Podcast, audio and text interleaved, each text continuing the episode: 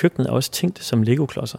Det er modulært, det vil sige, at man kan bygge videre på det, og man kan også tilføje øh, en masse spændende teknologi, vi går og arbejder på i, i fremtiden. Det kunne blandt andet være Sonos højtalere, der kan øh, klikkes i bordpladen. Det er robotstøvsuger i soklen.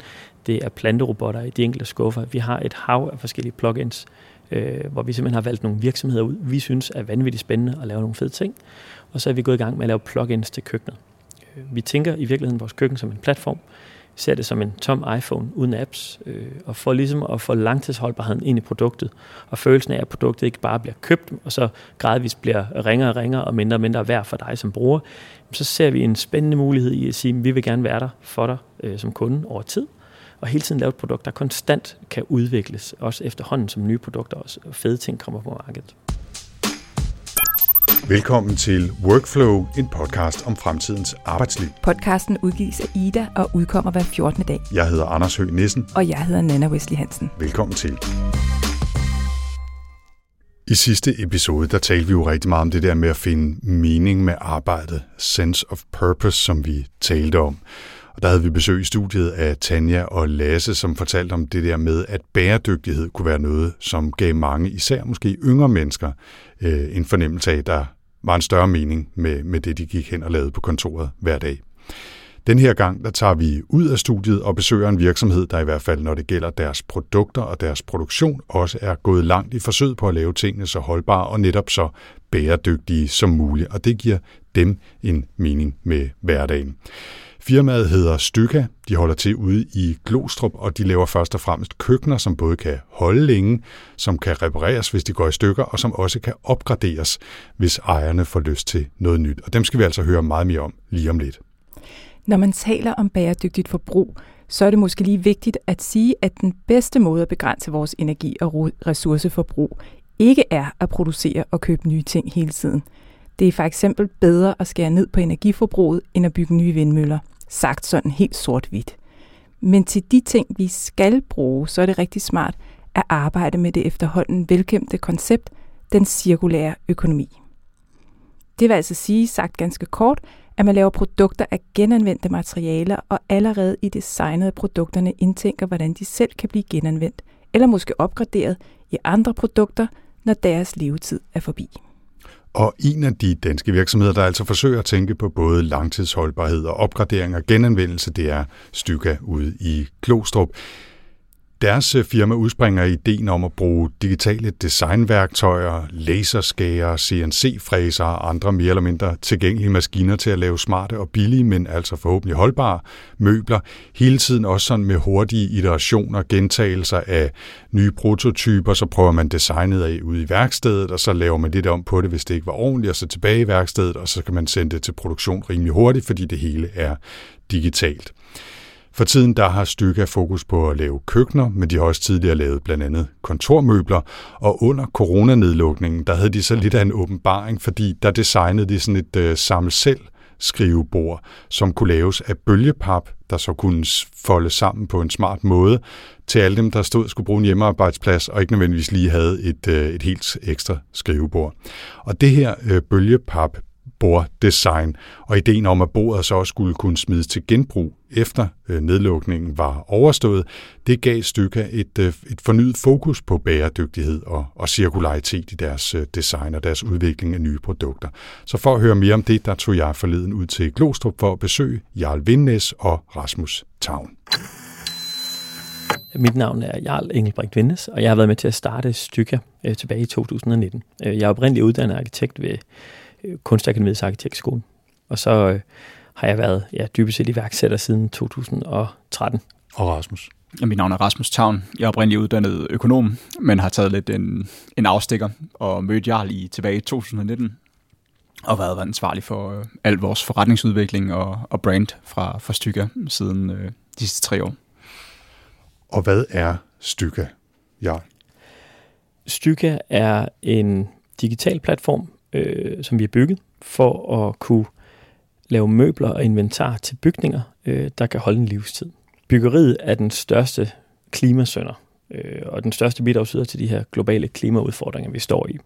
Øh, byggebranchen står for omkring 40% af al CO2-udledning, og 30% af alt spild på alle genbrugspladser. Det er sådan et ret horrible tal i virkeligheden.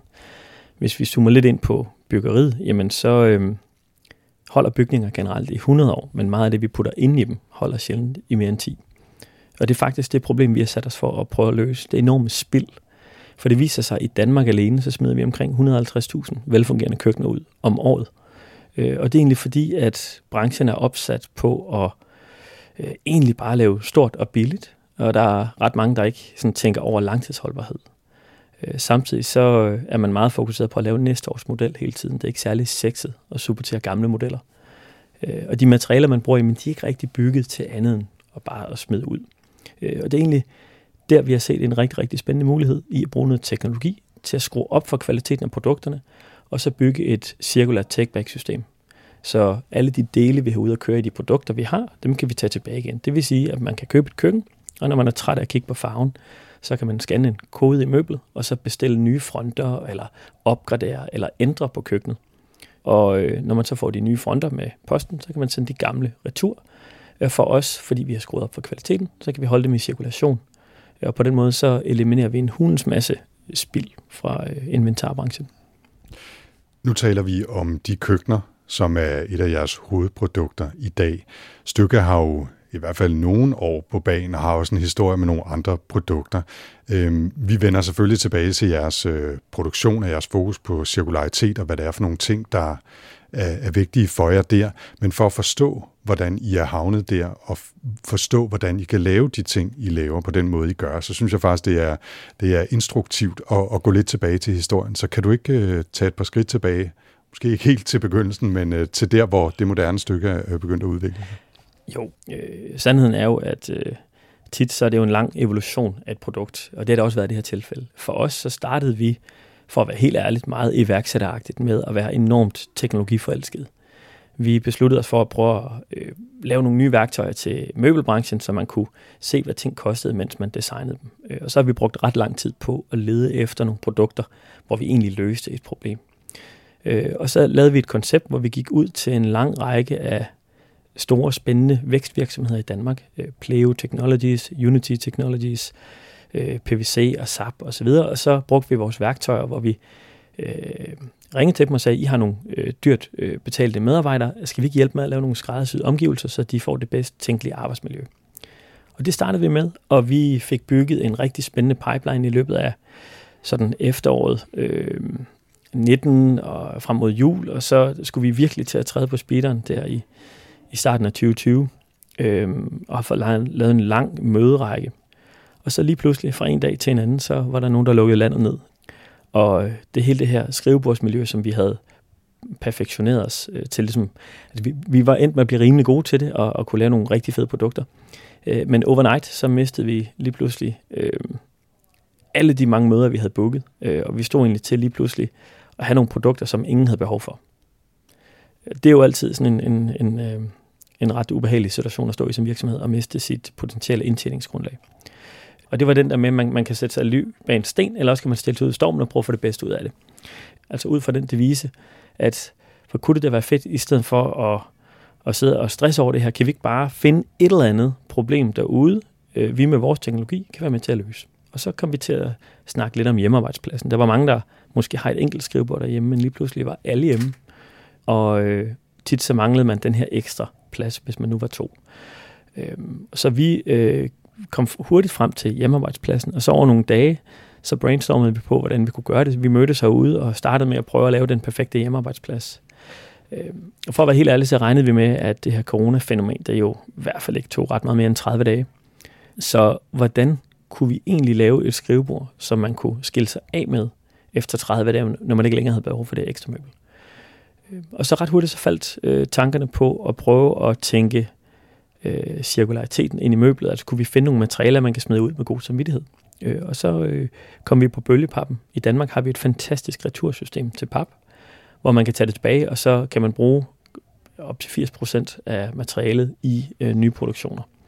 Øh, så det var naturligt for os at prøve at udvikle i, i det produkt. Så vi, vi over nogle få dage, så udviklede vi produktet, og vi fik taget billeder, vi fik øh, dybest set bygget en BTC øh, salgs side på nettet via noget Squarespace osv. Og, øh, og så gik vi i gang med at sælge online. Og så øh, var vi så heldige, at jeg tror, kombinationen af et øh, pænt produkt og nogle gode billeder, øh, men også øh, rettigheden i produktet, og det der med, at nogen havde fundet en løsning på at gøre noget i en lidt uafstillig situation, jamen det, det sådan fangede godt an. Og så røg historien sådan lidt rundt øh, øh, om, om hele jordkloden.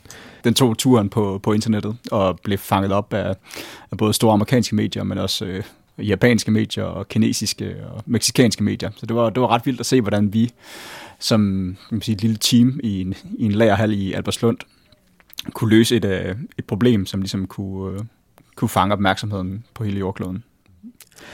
Vi, vi, vi vidste jo godt, at, at den tabte omsætning for de her manglende kontormøbler, vi nu ikke kunne sælge, men det kunne vi aldrig øh, tjene hjem igen på papbord. Så vi valgte bare open source produktet, hvor vi havde sådan en fuck it, ship it mentalitet, hvor vi øh, sagde, men hvis vi skal have noget i luften hurtigt, så bliver vi nødt til at strippe vores forfængelighed væk, og så prøve at lave et produkt og lægge det ud, og så bare sige til folk, jamen det er så godt, som vi kan lave det på den tid, vi har. Øh, men kære kunder og eventuelle samarbejdspartnere, hjælpe os med at perfektionere produktet. Og så var der ret mange, der kontaktede os og sagde, vi vil egentlig gerne producere jeres bord og kompensere jer for det. Altså det, det, det vi fandt ud af, det var, at brandet faktisk havde en enorm værdi. Folk kunne jo bare tage øh, tegningerne og printe det, men vi, vi lærte ret hurtigt, at, at øh, for det første, at man kan, hvis man har nogle agile supply chains, så kan man begynde at producere over hele verden, men vi lærte også, øh, hvad værdien af et godt brand er. Øh, for netop det der med, at folk vil lægge sig ind under vores brandparaply, øh, fik os til at indse, at altså, der er noget rigtig spændende i det med at bygge et brand op omkring øh, bæredygtighed og, og de her ting, og, og så være ærlig omkring, hvor man er, og få produkterne hurtigt ud, og få hurtig feedback osv. Så, så der var en masse interessante læringer, vi som virksomhed tog til os. Også det med øh, cirkulariteten. Øh, så det, der ret hurtigt skete efter, øh, vi havde de her sjove oplevelser med det her skrivebord, jamen det var jo, at vi gik tilbage og kiggede på den måde, vi lavede alle vores andre ting på. Og så, så kunne vi øh, ret nemt sige farvel til alt, hvad der hedder spon og melamin, og de der normale, gængse, billige materialer, man bruger til at lave møbler med. Så vi endte faktisk med at tage nogle rigtig, rigtig vigtige læringer for de her papskrivebord indarbejde i den måde, vi kigger på vores egen forretning på. Og så gik vi i gang med at lede efter nogle store globale problemer, vi kunne løse. Øh, og heldigvis så øh, var vi i løbet, under coronaforløbet, blevet kontaktet af nogle bygherrer, øh, som havde det problem, at de skulle have lavet en masse studieboliger, og det er højslitage. Tingene går rigtig tit i stykker. Øh, så vi valgte ligesom at tage den her tech, vi havde bygget til hele tiden at printe nye dele. Øh, og så øh, byggede vi et setup, hvor vi så sagde, at de her studieboliger, de går tit i stykker. Hvad hvis vi gemmer en kopi alle delene i møblet selv. Sådan så når ting går i stykker, så kan man bare gå ind og så printe de dele, der mangler. Så, så, så, så det her sjove skrivebord endte med at arbejde sig ind i kernefortællingen og i kerneydelsen i det, vi gør. Også blive et af vores dogmer omkring den måde, vi ligesom går til produktudviklingen på og sige, okay, hvad hvis vi har samme mindset, det der med, okay, hvor vi ligesom tænker over, hvad der kommer til at ske med, med produktet end of life, øh, så simpelthen tænker cirkularitet og, og bæredygtighed inden for starten af i vores produktudvikling, og bruger det som et dogme til at, til at skabe de produkter. Nu er der et par gange blevet sagt printe møbler. Og det bliver vi nok lige nødt til at tage et skridt tilbage og, og adressere også, fordi øh, det er jo ikke noget med en inkjet eller en laserprinter, og det er jo heller ikke, fordi der står en kæmpe, kæmpe stor 3D-printer herude og bygger alle jeres køkkener af birkefiner, som den pludselig kan lave. Nej, det er fuldstændig rigtigt. Øh, når vi siger printe, så er det fordi, det er indarbejdet den måde, vi tænker på. Det vi faktisk har bygget, øh, en del af vores øh, tech stack, er, hvad vi kalder for en print driver til møbelbranchen. Øh, og det vi egentlig bare har gjort, det er, at vi har lavet nogle plugins til de gængse tegneprogrammer, man bruger, når man tegner møbler i 3D. Øh, og ved de her plugins, vi har udviklet, så øh, kan vi tage filerne, parterne fra møbler, man sidder og tegner, og så kan vi kalkulere produktionsomkostninger, materialeoptimering, og så kan vi tage de her dele og sende direkte i produktion på en af vores fabrikker, øh, som jo ikke er her i Glostrup, men vi har bygget et netværk af fabrikker, der er koblet på vores platform. Øh, Øh, og der kan vi simpelthen lægge de her filer klar ude på de pågældende maskiner, på de pågældende fabrikker, og det gør det ekstremt nemt for os at lave nye ændringer og opdateringer. Så med printe, så mener vi i virkeligheden bare at producere på store CNC-maskiner, som er de gængse maskiner, man bruger til at lave møbler med. Men vi har altså bare lavet det her digitale lag, der gør det nemt og hurtigt. Og lad os lige prøve at grave ned i nogle af de elementer, som er en del af de her nye produkter og, og en ny måde at lave dem på materialer, hvis vi starter med det. Altså, hvad er det for nogle materialer, som I arbejder med, og hvorfor er de vigtige? Altså, hvorfor har I valgt dem? Lige nu så arbejder vi i FSC 3 i den hårdest tænkelige øh, vi kan få øh, vores fingre i. Og det gør vi ud fra den simple betragtning, at det her materiale, øh, udover det selvfølgelig er certificeret, så kan det faktisk holde i rigtig, rigtig lang tid, hvis man passer nogenlunde på det. Øh, så vi går egentlig efter langtidsholdbarhed. Øh, og vores holdning til bæredygtighed, jamen, for at være helt ærlig, øh, så det mest bæredygtige produkt er det produkt, du aldrig køber. Dernæst så er det mest bæredygtige produkt det produkt, du aldrig smider ud. Og det er der, vi lægger os. Vi prøver egentlig at lave møbler, der holder i meget, meget lang tid. Så for os, ultimativ bæredygtighed inden for vores branche her, det er egentlig at lave produkter, hvor vi har skruet helt op for materialekvaliteten, så de potentielt kan holde lang tid, og lave møbler, så man kan skille dem ad ned til de øh, små enkeltdele. Og herved så kan man reparere, og man kan vedligeholde, og man kan udskifte i fremtiden. Øh, så det er nogle af de ting, vi forsøger at indarbejde i alt, hvad vi gør. Så, men lige for at blive ved materialet, altså som du siger, det bedste er jo, hvis vi ikke går ud og køber nyt hele tiden, ikke? og det næstbedste er jo så, hvis vi køber noget nyt, så holder det også rigtig lang tid. De materialer, I bruger her, det birkefiner, tror jeg, du, du sagde, det var. Er det så også noget, som kan genanvendes, når og hvis det så bliver øh, smidt ud på en eller anden måde, eller taget ned? Ja, øh, de materialer, vi bruger, øh, er meget, meget hårde. Og fordelen ved at bruge en meget, meget hård øh, materiale sandwich, øh, som egentlig bare består af det samme hele vejen igennem, jamen øh, det at have den her solide sandwich gør, at vi kan køre den tilbage igennem overfladebehandlingsprocesser, som vi også bruger til at lave nye dele. Det vil sige, det at tage en ting tilbage, der er beskadiget, jamen øh, i og med, at øh, den består af det samme hele vejen igennem, så kan vi nøjes med at slibe overfladen og putte ny hud på, øh, ny lak eller et nyt finærlag, og så sælge den her part som en ny. Øh, og det er nøglen til cirkularitet, som vi ser det som jeg siger, så handler det egentlig om, øh, det er jo lidt at gå tilbage til nogle, nogle gamle principper, om du skal kunne reparere dine produkter. Øh, vi plejer tit at sammenligne det med, at det øh, svarer lidt til, øh, til det gamle trægulv, du har i din lejlighed fra 1800-tallet, som hvis det trænger til at blive genopfrisket, så kan du slibe det ned og give det en ny gang lak, kontra sådan de moderne sådan, øh, laminatgulve, hvor du har en tynd plastikoverflade, som hvis du snart du har slidt den igennem, så er du egentlig nødt til at skifte hele gulvet. Så det egentlig handler egentlig bare om at lave tingene af nogle gode materialer, som kan repareres igen, og dermed forlænge levetiden på dem, i stedet for at lave de her sådan hyperoptimerede industrielle produkter til den lavest mulige pris. I har begge to øh, allerede talt lidt om det med at kunne reparere og skifte ud og lad os bare sige opgradere i det her krydsfelt med noget digitalt og noget, noget fysisk. Hvordan fungerer det som idé med, med nogle af de produkter, I laver? Når vi sender et produkt ud af døren, så har vi også en digital tvilling. Det vil sige, at vi gemmer en 3D-kopi af det pågældende produkt øh, i vores database. Og inden i hvert produkt, så er der en QR-kode. Øh, og via QR-koden, så kan man scanne øh, og så få en adgang til den her digitale tvilling. Og i den digitale tvilling kan vi holde styr på, hvilke dele der er, og hvilken version det er. Øh, og derfor så er det nemt for os at gå ind og genprinte parter.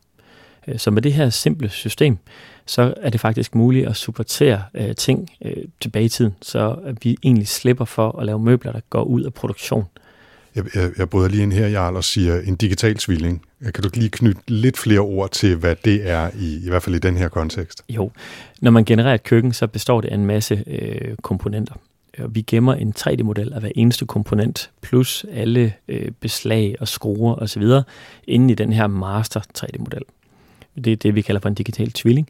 Når man har den, så kan man klikke på alle de forskellige dele, og så kan man altid tilgå tegningerne og de informationer, der skal til at bestille de enkelte dele igen. Så det er enormt smart ligesom at gemme den her opskrift på møblet ind i møblet en analog version af det, som mange folk er nok er stødt på, det er instruktionerne til, hvordan man samler et IKEA-møbel i virkeligheden, ikke? hvor man har alle bestanddelene, og man kan se, hvordan de er samlet, og man kan sådan nogenlunde fornemme processen. Det er det, men bare i en 3D-udgave, som er øh, interaktiv, og som kan opdateres, og som altså kan skilles ad og samles, kan man sige, i, i 3D i virkeligheden også.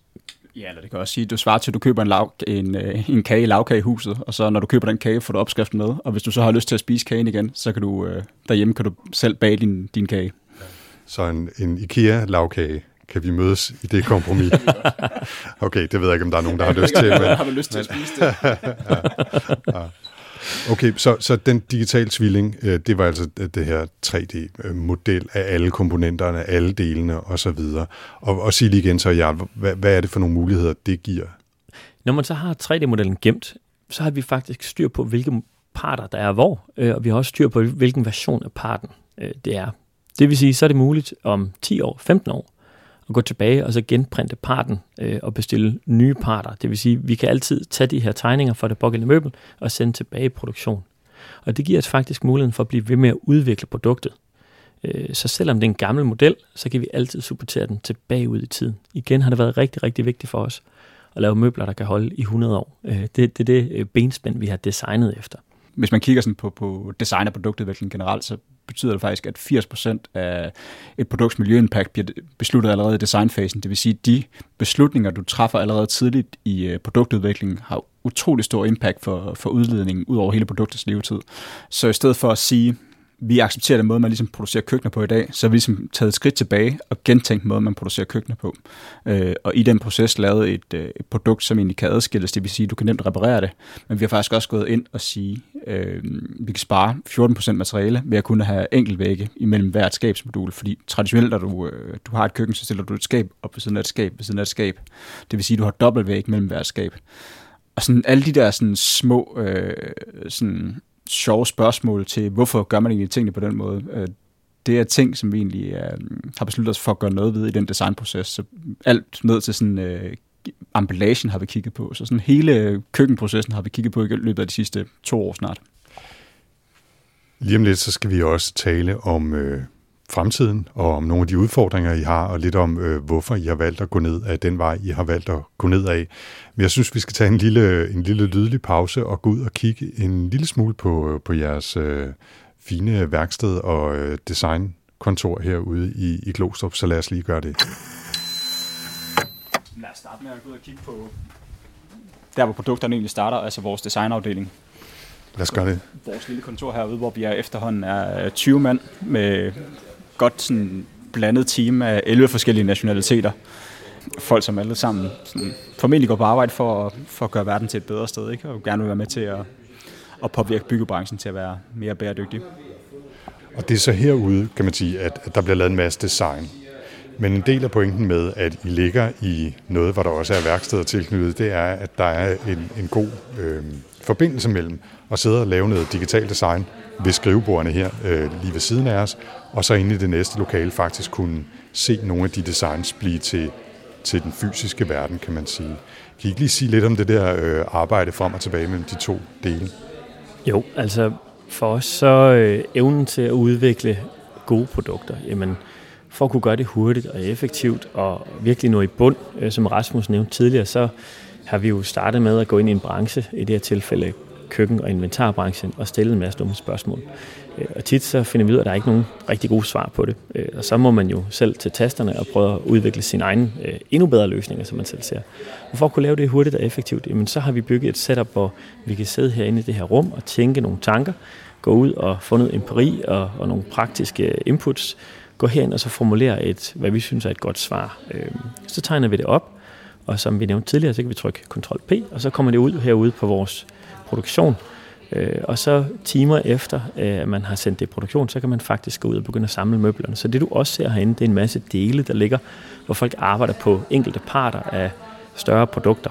Øh, og her der itererer vi de forskellige dele, og så sørger vi for, at alle delene passer sammen i en større 3D-model. Så det, det er en ret spændende arbejdsproces, vi har, hvor, hvor øh, grænserne mellem øh, digital og fysisk bliver fuldstændig udvisket. Øh, og det er for os nogle af nøgleordene i at kunne bruge det her hammerne effektivt til lynhurtigt at kunne lave nogle banebrydende produkter. Så lad os prøve at tage øh, springet fra, lad os kalde det den digitale verden herind, og så øh, ud i produktionen eller designværkstedet i Viservej.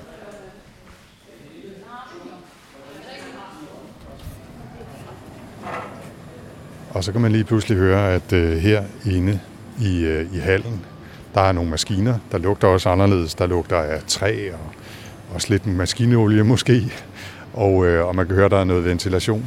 Og det er jo et ret stort øh, rum, det her på, jeg ved ikke hvor mange 100 kvadratmeter, men adskillige 100 i hvert fald, og med en 5-6 meter til loftet. Og øh, det føles lidt som øh, et værksted. Næsten en fabrik. Og hvad er det så, I, I kan lave her for eksempel? Jamen det er vigtigt at sige, at øh, det her det er vores laboratorium, hvor vi ikke øh, har mulighed. Vi kan ikke lave storskala produktion af nogle emner, men vi kan lave nulserier og tests.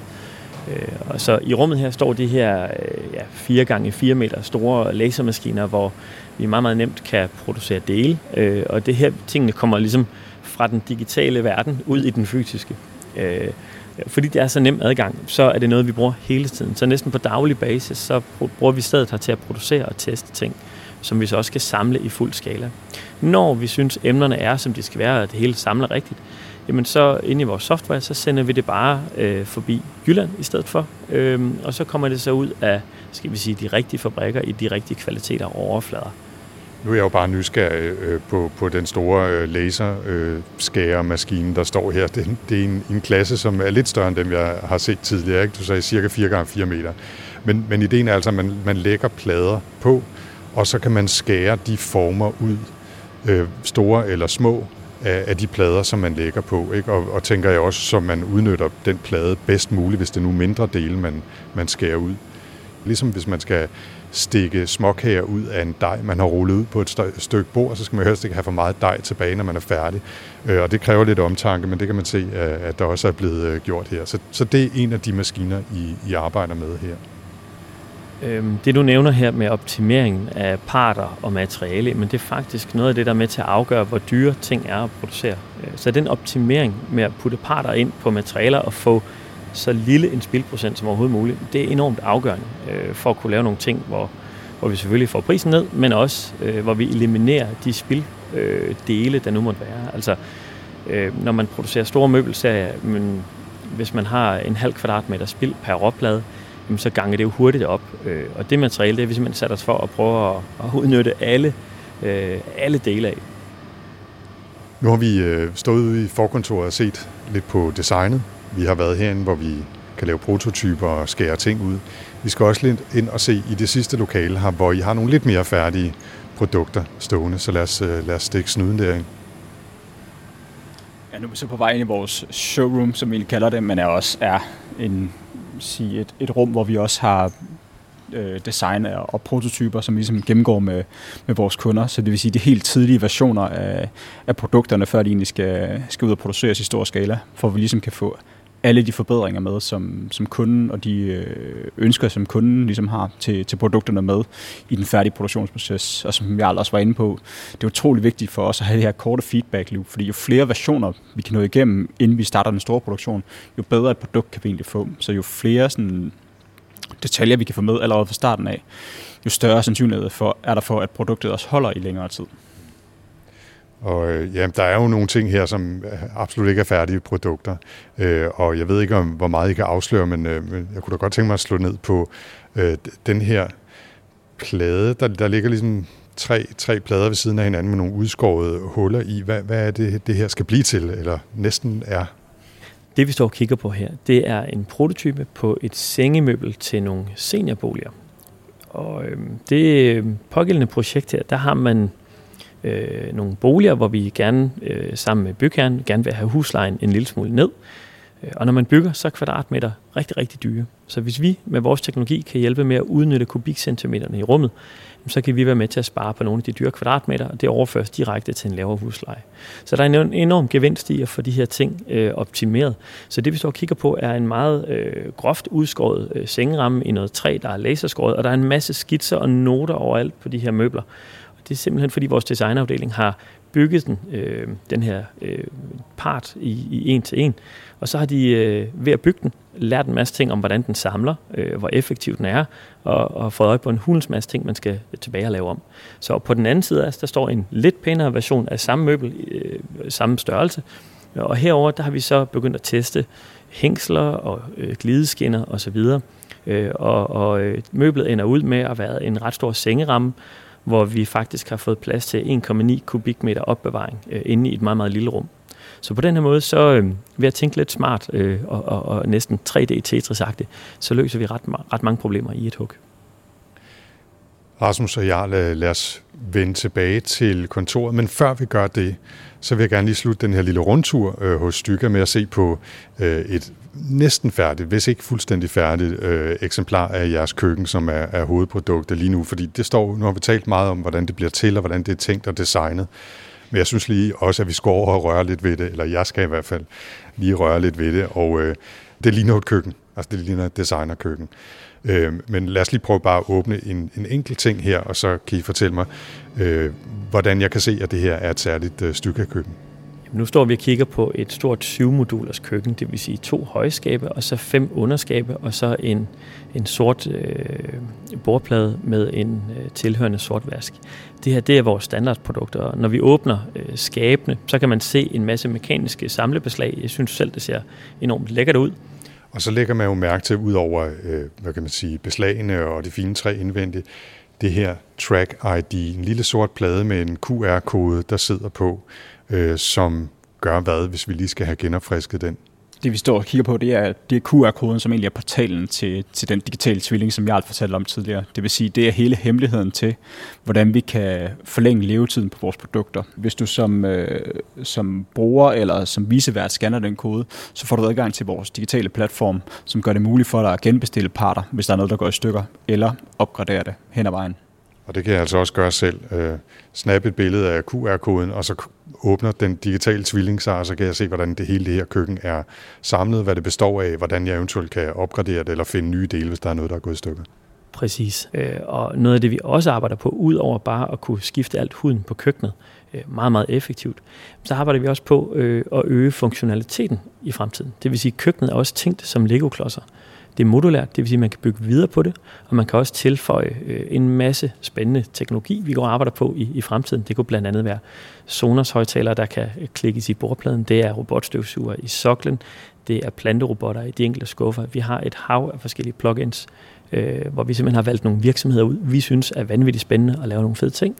Og så er vi gået i gang med at lave plugins til køkkenet. Øh, vi tænker i virkeligheden vores køkken som en platform, ser det som en tom iPhone uden apps, øh, og for ligesom at få langtidsholdbarheden ind i produktet, og følelsen af, at produktet ikke bare bliver købt, og så gradvist bliver ringere og ringere og mindre og mindre værd for dig som bruger, så ser vi en spændende mulighed i at sige, at vi vil gerne være der for dig øh, som kunde over tid, og hele tiden lave et produkt, der konstant kan udvikles, også efterhånden som nye produkter og fede ting kommer på markedet. Og lad os lige gå tilbage til kontoret, Rasmus Jarl, og afslutte øh, samtalen med lidt mere snak om, om fremtiden. Og så lukker jeg lige for lågen på det her fine køkken. Og så er vi tilbage øh, igen, øh, Rasmus og Jarl.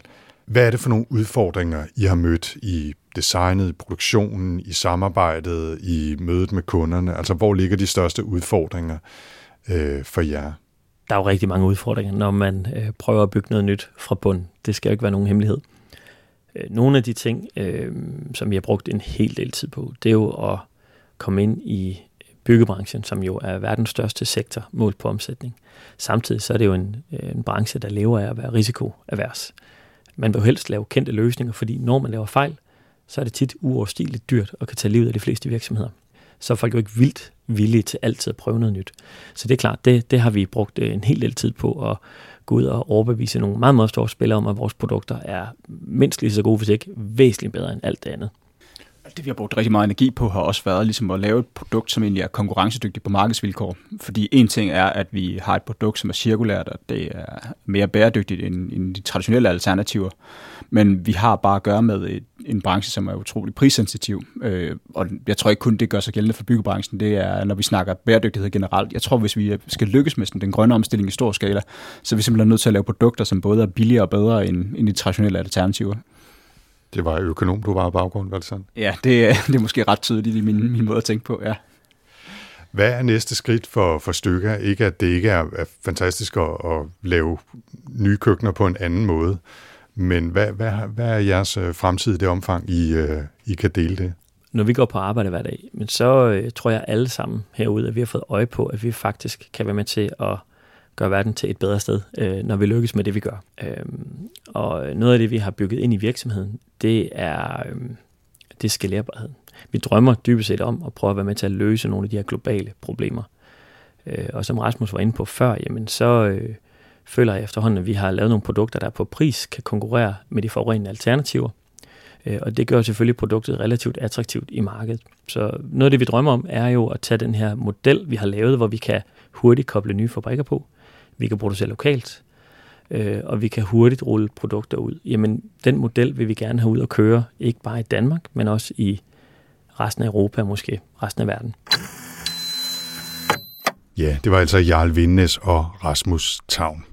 Nana, nu var du ikke så heldig på en solskinsdag at kunne tage med mig ud til Stykker ude i Glostrup og se deres øh, design og deres værksted og sparke lidt til ja. køkkenlågerne og sådan noget. Ja, det var super ærgerligt. Ja, det var lidt ærgerligt, men ja. du har selvfølgelig hørt øh, interviewet med dem. Er der noget, du har lyst til at fremhæve efter, efter mit besøg derude?